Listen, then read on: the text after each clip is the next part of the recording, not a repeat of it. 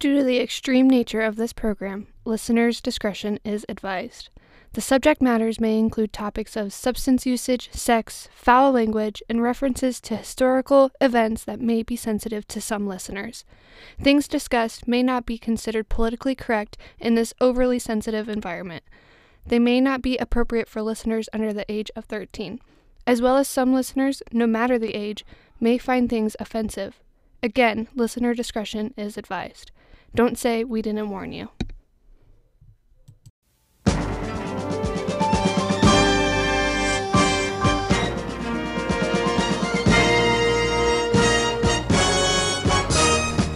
Greetings and salutations, and welcome to GXO, another episode of Generation Extraordinary, the podcast nobody asked for, focusing on everything pop culture from the greatest generation ever, Generation X. So, if it happened between 1960 and 1999, we're going to discuss it like movies, music, TV, and even a bit of history from that year. Who knows? You may just learn something before it's done. And if you're lucky, this old man may just regale you with a story or two from his own life and experiences. I'm Robert Pop, your host, coming to you from beautiful Podunk, Nebraska. This portion of the show is brought to you by Carpet Munchers, carpet cleaning enzymes. They really lick the competition. Fall is just around the corner, and if you're like me, it's time to do some deep cleaning in my house. After all that grass and leaves and all that stuff's been tracked inside, a deep carpet cleaning always seems to just make the whole house better. I used to go rent one of those machines. Heck, I even bought one thinking that that would be better. All about those steam cleaners. All it does is makes the carpet wet, muddy, and smelly. That's why I use carpet munchers.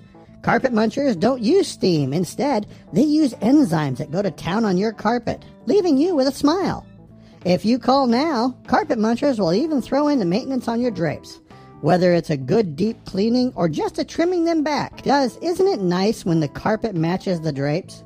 Call Carpet Munchers today at 1 800 555 6969 or visit us on the web at www.carpetmunch.com. Welcome back to another episode of GXO, Generation Extraordinary, the podcast that nobody asked for. But here I am, still this nut with a microphone. Anyway, today our topic is going to be the A Team. Uh, so we're going to be jumping in the old time machine, traveling back to the year 1983. So our leaders of the uh, major leaders of the world that time uh, in the Soviet Union, we had Yuri Andropov. You know, I always said that if I was ever going to be a taxi driver or a limo driver, that I would be a Russian limo driver. Drop off and pick up. Pick up and drop off. You get the meaning. Here in the United States, well, you know, I just don't really. I like jelly beans, and I, I just don't know about this whole communism thing. Thank you, Mr. Reagan. And United Kingdom had Margaret Thatcher. Oh, oh, Top headlines that year U.S. invades Grenada on a war that took about 16 minutes. Mario Brothers was released in, in Japan by Nintendo.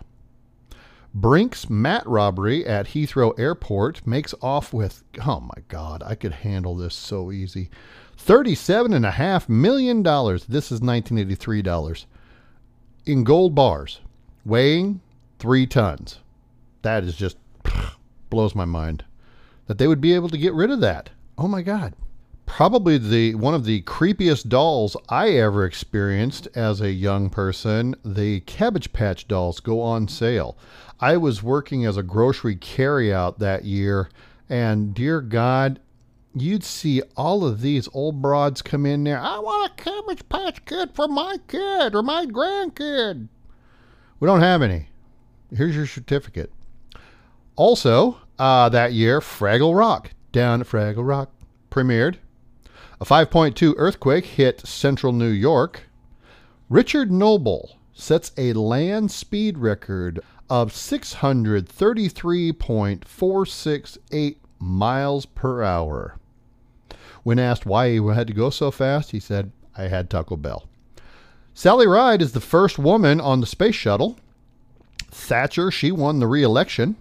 Pope John Paul II signed the new Roman Code incorporating changes brought about by the Second Vatican Council.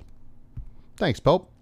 Uh, in South Korea, a Boeing 747 jetliner southbound for Seoul apparently strayed into Soviet airspace and was shot down by a Soviet Su 15 fighter after it had tracked the airliner for two hours. All 269 people aboard were killed. Sorry to hear that. United States had egg on its face uh, because we admitted of shielding former Nazi Gestapo chief Klaus Barbie, who was uh, 69 at the time, the butcher of Lyon, and was wanted in France for war crimes. And we admitted that, uh, yeah, we were we were hiding him. Don't know why. Don't know why. Fucking Nazis. Fucking Nazis. Karen Carpenter. My mom loved the Carpenters. As a matter of fact, that's one of my my very fond memories of my mother uh, as being a child in the playpen or or just being near her and she was singing along to the Carpenters.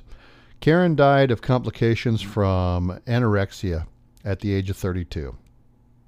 More than 125 million viewers tune in to the last episode of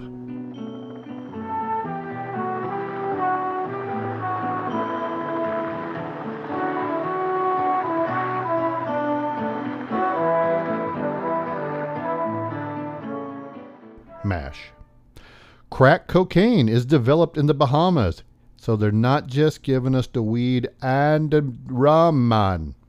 And soon appeared in the United States. Thank you, Bahamas. Is that where they came up with the name Bahama Mama? I don't know. The IRA bomb exploded outside of Harrods December 17th during the pre Christmas shopping season. Rotten fuckers. Ethiopia appealed for world aid when the death toll reached 4 million.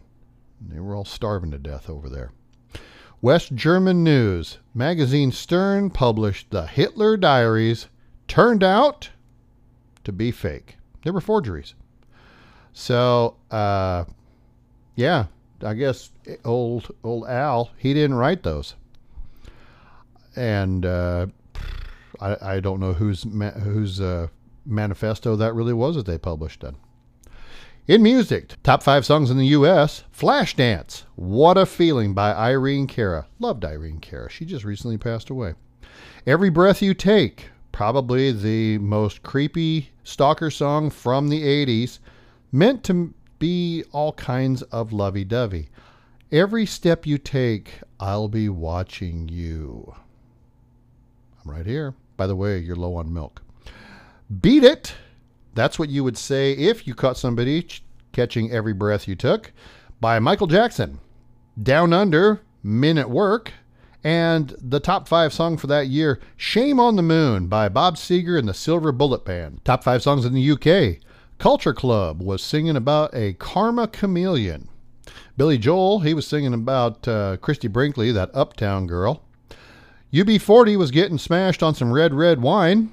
Paul Young, well, he wasn't really sure where he was living. He was kind of homeless because he was singing about wherever I lay my hat, that's where my that's my home.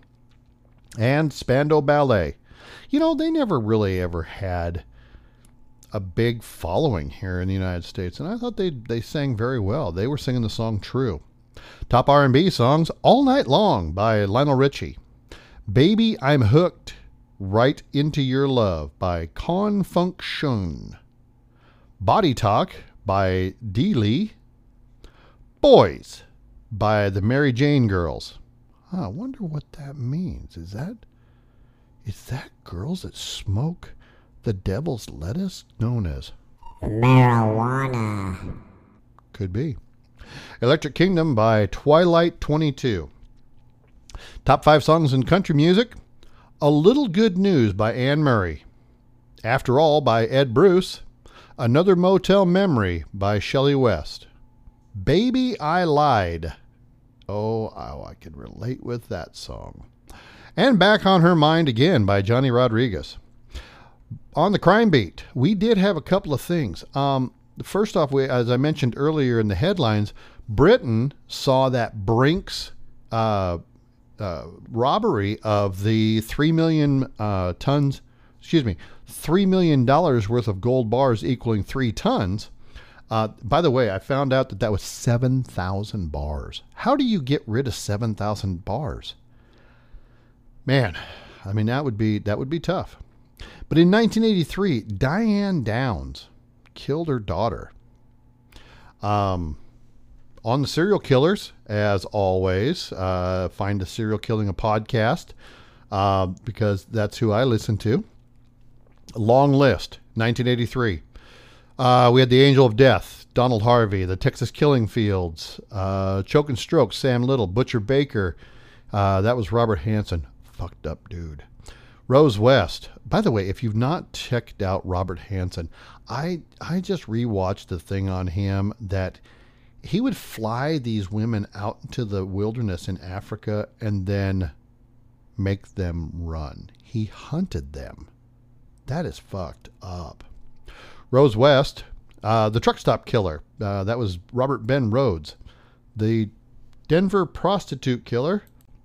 The Oklahoma City butcher. Kansas City strangler. That was Lorenzo Gilyard.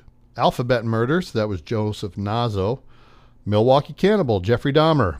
Dennis Nilsen, old Dez over there in England, was shoving body parts down, the, flushing them down the toilet.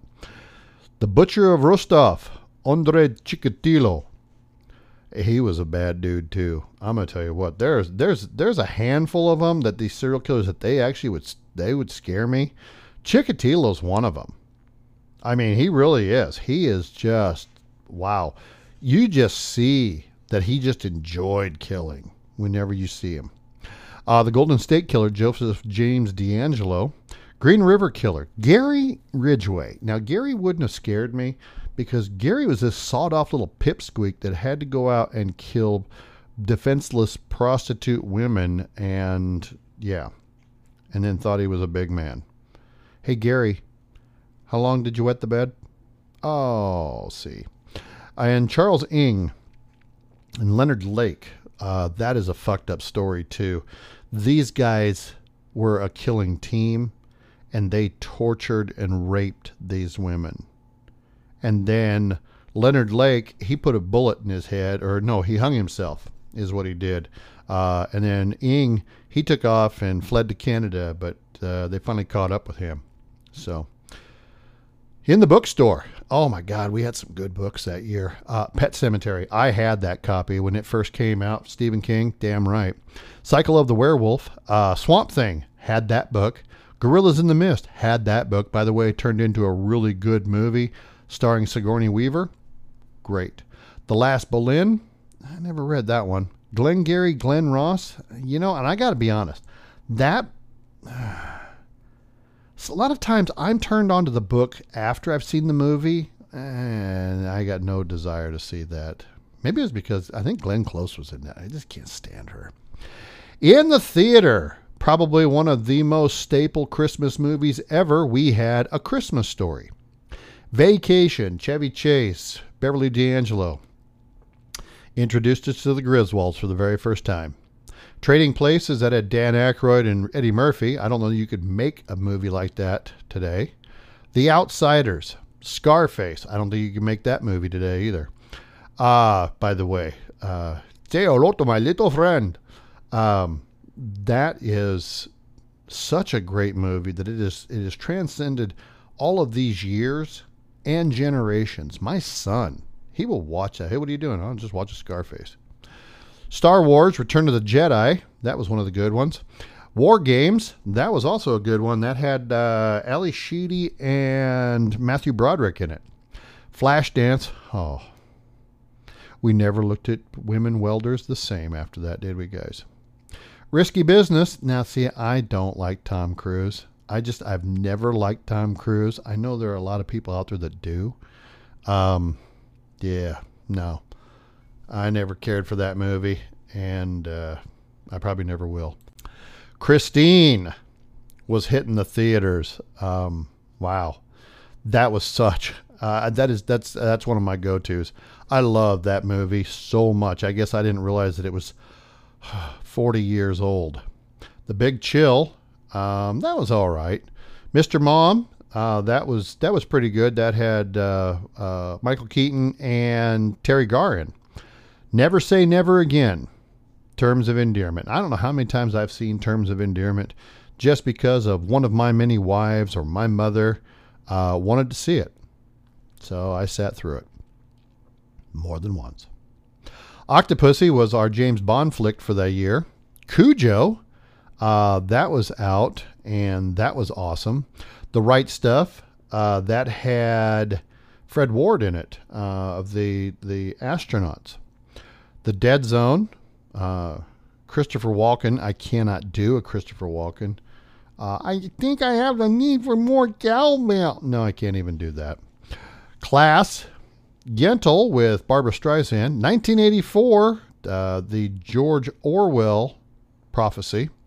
Coneheads uh, with Dan Aykroyd and Jane Curtin uh, as they took off from their Saturday Night Live skits. Love that. Sometimes I feel I've got to eh, eh, run away. I've got to eh, eh, get away. Yeah, that's the every time I hear that song, that's all I hear. That's all I hear. And finally, Strange Brew. That was Bob and Doug McKenzie from SCTV. Um, on Broadway, they did a revival of Mame. And on TV, we had Mama's Family. Uh, we all know who Mama is. And the Masters of the Universe. You know, I. The live action one that they did so many years ago that sucked so fucking bad. They could really redo this movie now with CGI and do a good job with it. So, The Hitchhiker, Inspector Gadget. He was on TV. Do do do do do do do do do do do do. Um, Dungeons and Dragons, and I don't know. I'm just I've never been a big fan of of the TV show. I tried to watch the movie, that didn't work. Uh, so Scarecrow and Mrs. King. Um, Kate Jackson was the eye candy for anybody really watching that show. Tales from the Dark Side. Love me some scary shit. Hardcastle and McCormick, one of the greatest theme songs ever.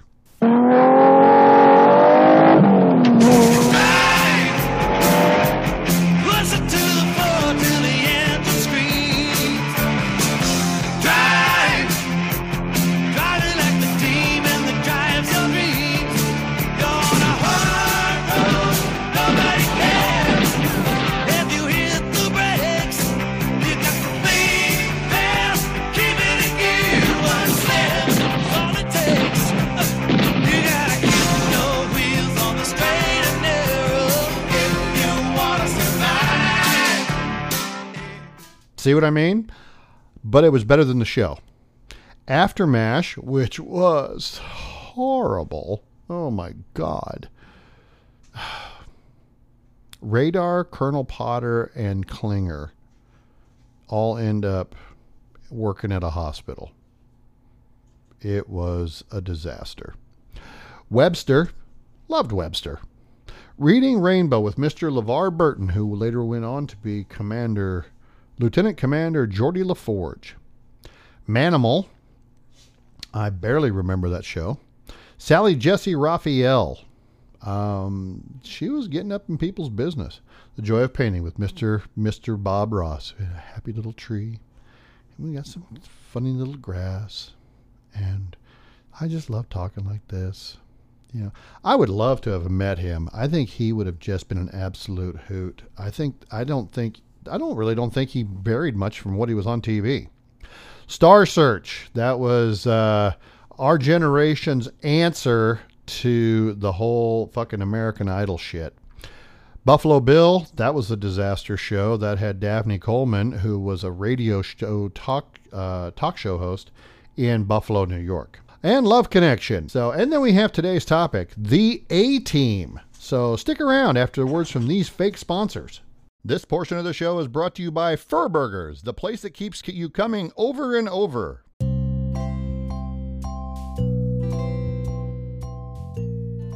You might be able to get it your way at BK, or you may be loving it at those golden arches. But now, introducing the place that'll have you coming over and over.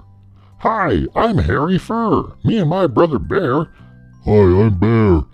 Saw that there was a gap in the burger market that needed filling, and that's why we opened Fur Burgers. We have the widest menu selection of any burger joint. Why, you can get a hairy fur burger or a bear fur burger, whatever your preference is. But we also have seafood with our famous bearded clams. Maybe you want a taco instead. We have the best fish tacos around. Or maybe it's chicken. Chicken, well, we've got that. We've got large breasts and thick thighs. And everything at Fur Burgers comes with a shake. No drive through service because we want you to take your time so everyone is satisfied. Come taste the difference Fur Burgers has to offer.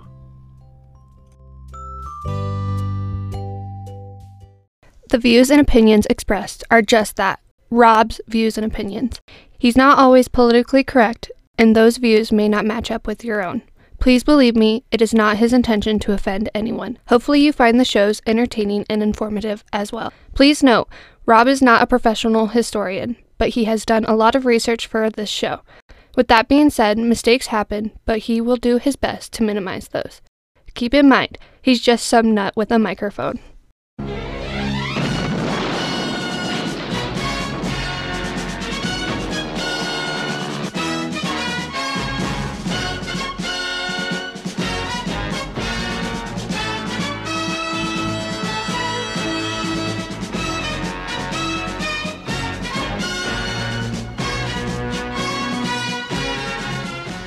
All right, welcome back from those breaks.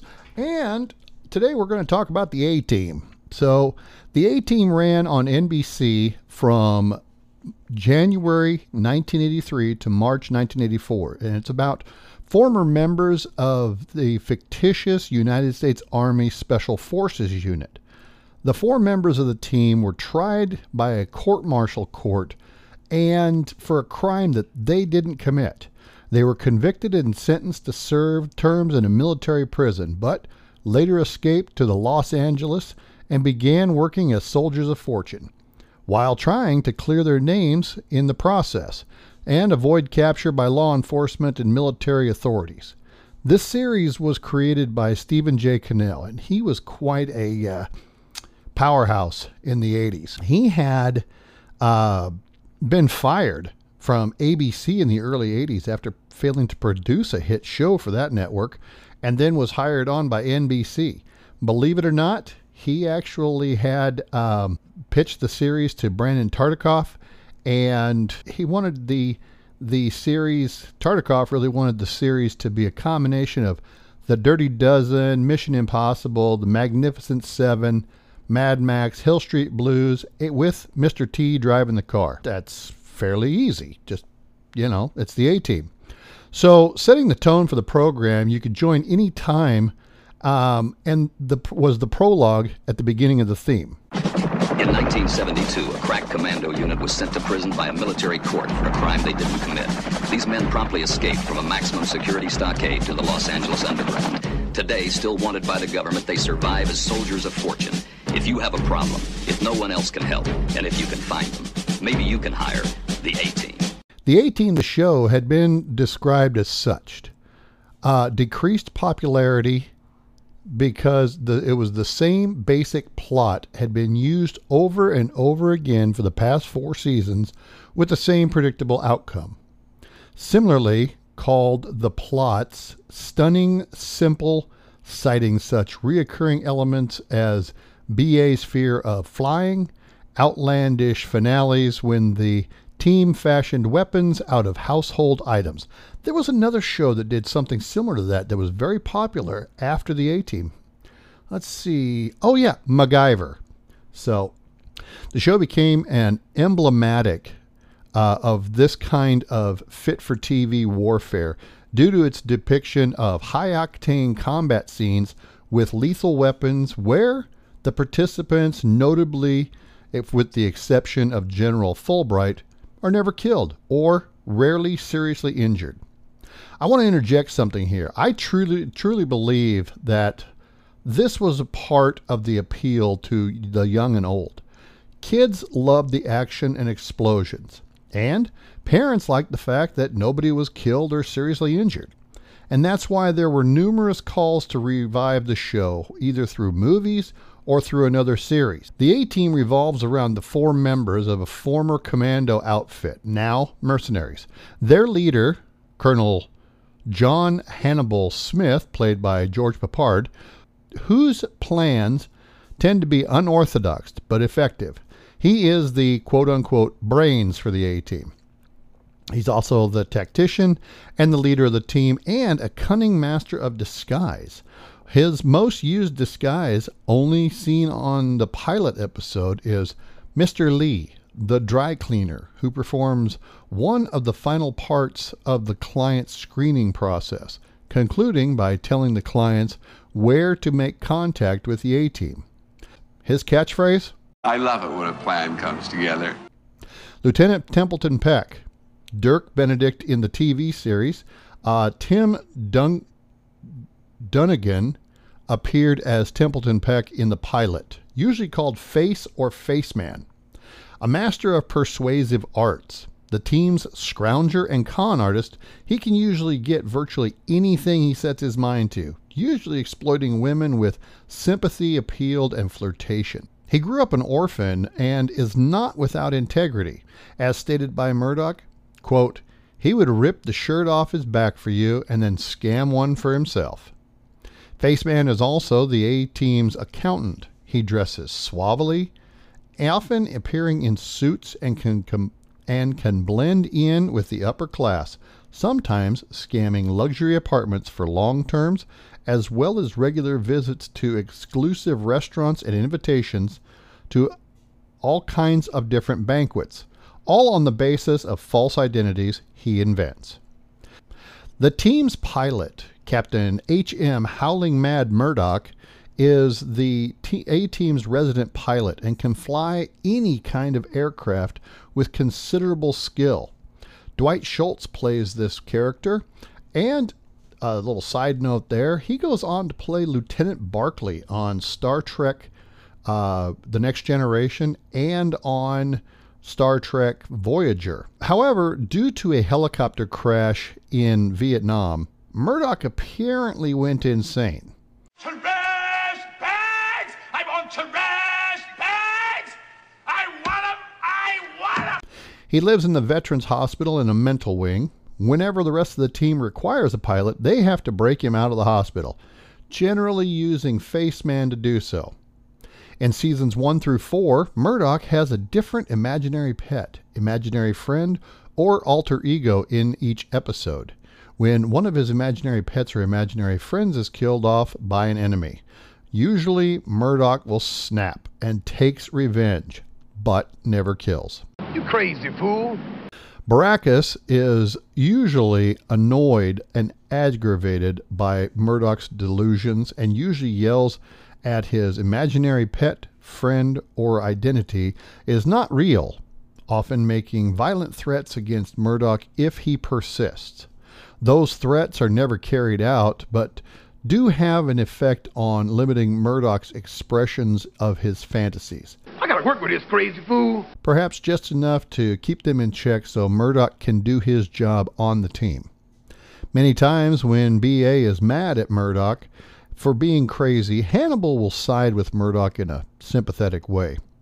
And finally, there's the team's strongman, mechanic. His name? Sergeant First Class Bosco BA or Bad Attitude. Yeah, right. We all knew that it meant badass. Uh, Baracus, Mr. T played that part. Able to perform exceptional feats of strength. I pity the fool goes home crying to his mama. He's also the team's mechanic, a master at arms, and demolition and weapons specialist. BA affects a dislike for Murdock, calling him a, quote, crazy fool. But his true feelings of friendship are revealed when he prevents Murdock from drowning in his desire to live like a fish. BA also has a deep, deep aviophobia, which is a fear of flying, and usually others have to trick him or knock him out to get him on an aircraft. It is very rare that BA is awake while flying, and even rarer for him to actually consent to it. Whenever he does, however, he goes into a canatonic state. BA typically wears overalls and leopard or tiger print shirts in the early seasons and wears a green jumpsuit in the later seasons. He is almost always seen with many gold chains and rings on his finger. Also wears a weightlifting belt. BA's hairstyle is always in a mohawk cut. He drives a customized black GMC van, actually black and metallic dark gray, with an angled red stripe between. That serves as the team's usual mode of transportation. The 1983 GMC Vandura, made uh, used by the A team, uh, with its characteristic red stripe, black and red turbine mag wheels, and rooftop spoiler, has become an enduring pop culture icon. I got no time for the jibber jabber phone ring a ding.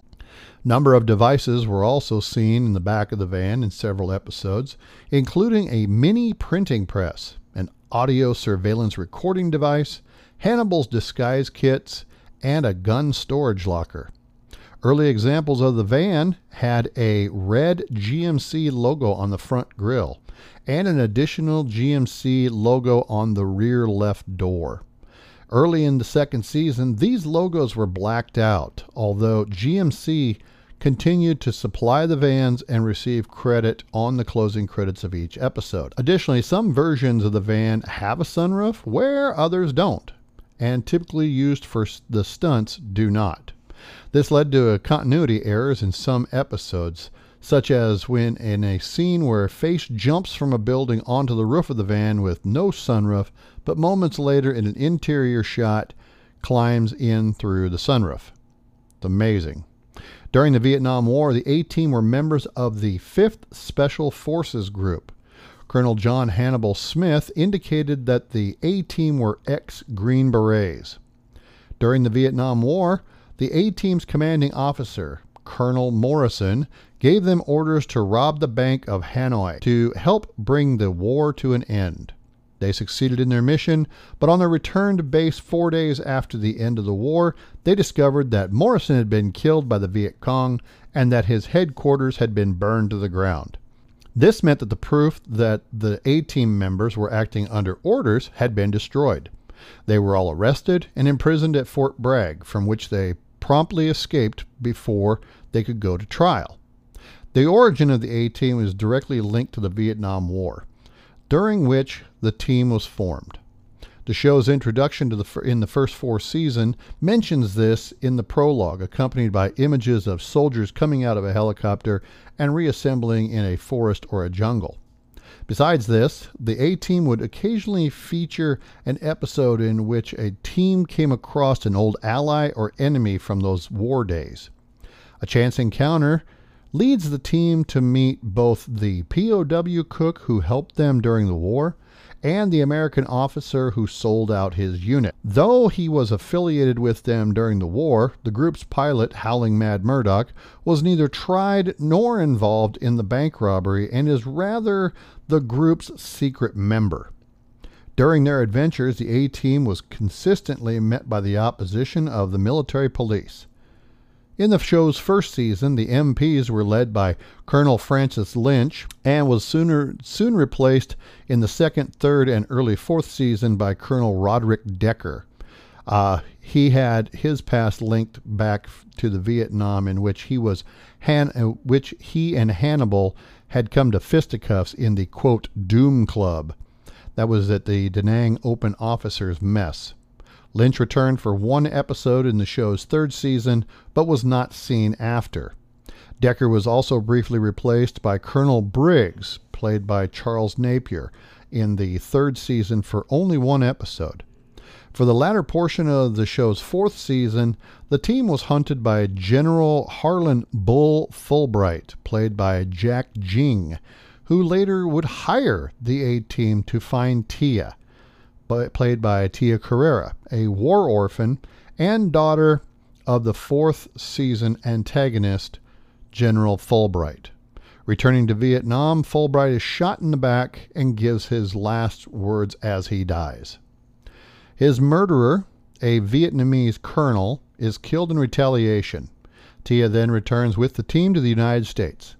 In the fifth season, after years on the run from the authorities, the A team is finally apprehended by the military and the team is finally court martialed for the robbery in the Bank of Hanoi. The character of Decker makes a return on the witness stand, and various newly introduced characters from the A team's past also make appearances. That sounds to me like it's a memory episode. The team, after a string of setbacks, decide to plead guilty to the crime and they are sentenced to be executed.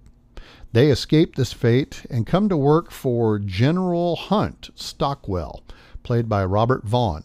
A mysterious CIA operative propositions them to work for him. In exchange, he will arrange for their pardons and upon a successful completion of several suicide missions. To do so, the A team must first escape their ca- captivity with the help of new character named Frankie Dishpan Man Santana, who helped the group in Vietnam and who, like Murdock, was not arrested. Stockwell faked their deaths before a military firing squad. The missions that the team had to perform in season 5 were somewhat reminiscent of Mission Impossible and based more around political espionage than beating local thugs and usually taking place in foreign countries including successfully overthrowing an island dictator, the rescue of a scientist from East Germany, and recovering top secret Star Wars defense information from the Soviets. In what was supposed to be the final episode, Hannibal, after being misled by Stockwell one too many times, tells him that the team will no longer work for him. At the end, the team discusses what they're going to do if they get their pardon, and it is implied that they would continue doing what they have been as the A team. Howling Mad Murdock can be seen in the final scene wearing a t shirt that says Fini. For five seasons, the wrongly accused foursome used rifles, handguns, machine guns, and shotguns to bring justify to bring justice to the little guy while trying to stay out of jail. Regardless of the number of explosions or rounds fired, nobody ever seriously got hurt, except for the occasional flesh wound of a team member. The original theme, composed by Mike Post and Pete Carpenter, uh, the theme had been ranked among some of the best TV themes ever written uh, with TV weatherman Al Roker sharing his opinion and used the song to get jazzed up in the morning. When we come back, I will give you my take on the A team and some of the things that I thought were good, bad, and ugly. So stick around.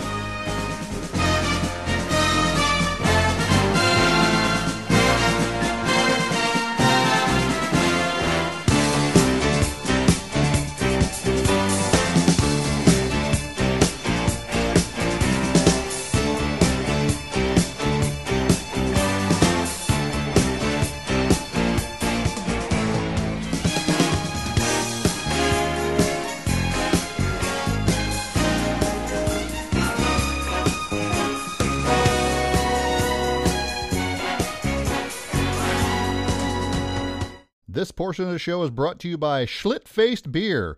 It'll fuck you up, guaranteed. Are you tired of that same old expensive ordinary beer?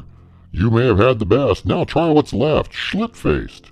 Our beer doesn't even claim to taste good. However, if you are strapped for cash and you just need a beer or two that you can afford while still wanting to get so messed up that bad decisions are given, then pick up a can of Schlitt-Faced. At 47.3% alcohol, it's guaranteed to mess you up.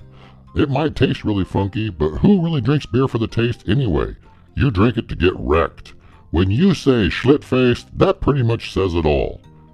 Schlitt-Faced warns that with this high level of alcohol, do not consume more than two in 60 minute time frame unless you really want to. Drinking Schlitt-Faced may result in blindness, erectile dysfunction, and possible anal leakage. Any claims of time travel is purely fictitious and should not be believed as these claims are only for entertainment purposes. Plus, Honestly, if you believe these claims, we only have one thing to say. What the hell is wrong with you? All right, welcome back from that break. So, I've had a lot of TV shows that have meant different things to me over the years, and and I get all nostalgic about a few of them. The A Team happens to be one of those. Um, my dad and I were not real close when I was a teenager, as I'm sure it's that way with a lot of young men and their fathers. But this was something that we could actually watch together and enjoy. I had a budding interest in firearms. Um, I had a budding interest in cars, and this had all of the above. It had action, it had hot cars, it had hot girls. Um, the good guys always won, the bad guys always lost. Nobody ever got hurt. So I really didn't see where that was all that bad. Now, when they did come out with the movie, um, they really they they they they just broke my heart when they had a shot of the van and they were moving I believe it was an air conditioning unit to the top of a building and the straps broke and it landed right on BA's van. I was devastated with that. I was just absolutely like, "Oh my god, that that that can't be. No, that can't be." So, uh, the A team, you know, even to this day, I still, I still see those actors such as Dwight Schultz, and and it just takes me right there to, to the A team. Even though he's a member of Star Trek, and I'm and I'm you know I'm obsessed with Star Trek. Uh, Mr. T, you know, Mr. T was introduced to us in Rocky, and then he moved over to the A team. He also did just a little a little bit with professional wrestling. I got a big big soft spot in my heart for Mr. T because you know, he's such a genuinely nice person and does so much for for his community and everything. But there were two things that they should have never done with Mr. T. Number one, DC Cab. Oh dear God, that was a horrible, horrible fucking movie. Oh God, and even even even Mr. T couldn't carry that. That was just absolutely disgusting movie. Um, the other thing was the Mr. T cereal. That should have never happened. Um, yeah, they did do a Mr. T and Friends cartoon, which really taught some lessons to kids. Um, and then, of course, if I remember right, Mr. T got sick with some type of disease, and and of course he lost all of his weight, and and uh, and now he's of course over the last several years made a full recovery. Um, you know, when I see uh, George Peppard, when I'm watching like say Breakfast at Tiffany's, and I look back on that, I mean, yeah, you can almost see some of his smartassness in breakfast at Tiffany's. Dirk Benedict, you know, I just I never really knew much about his career. And maybe he really didn't have much of one. Who knows? So, every time I see a, a black GMC van though, mid 80s, I always think about the A team. And just like Al Roker, when I need to get jazzed up to go to work, I'm to tell you what, sometimes there ain't nothing better than a good military march song like the A Team. Thanks for joining me. We'll see you next time.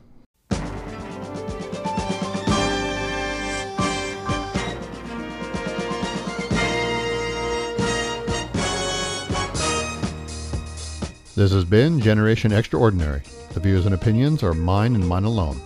Any claims of time travel is purely fictitious. The music and audio clips are not mine, and in most cases were downloaded through my paid YouTube subscription are only used for entertainment purposes. GXO is a production of Popeye Enterprises. Its host, creator, producer, and editor is Robert Pop. Co-producer, Harley Quinn Pop. Special guest voice actress, Ariel Pop. For more information, support, or to contact us, go to the website www Thanks for listening.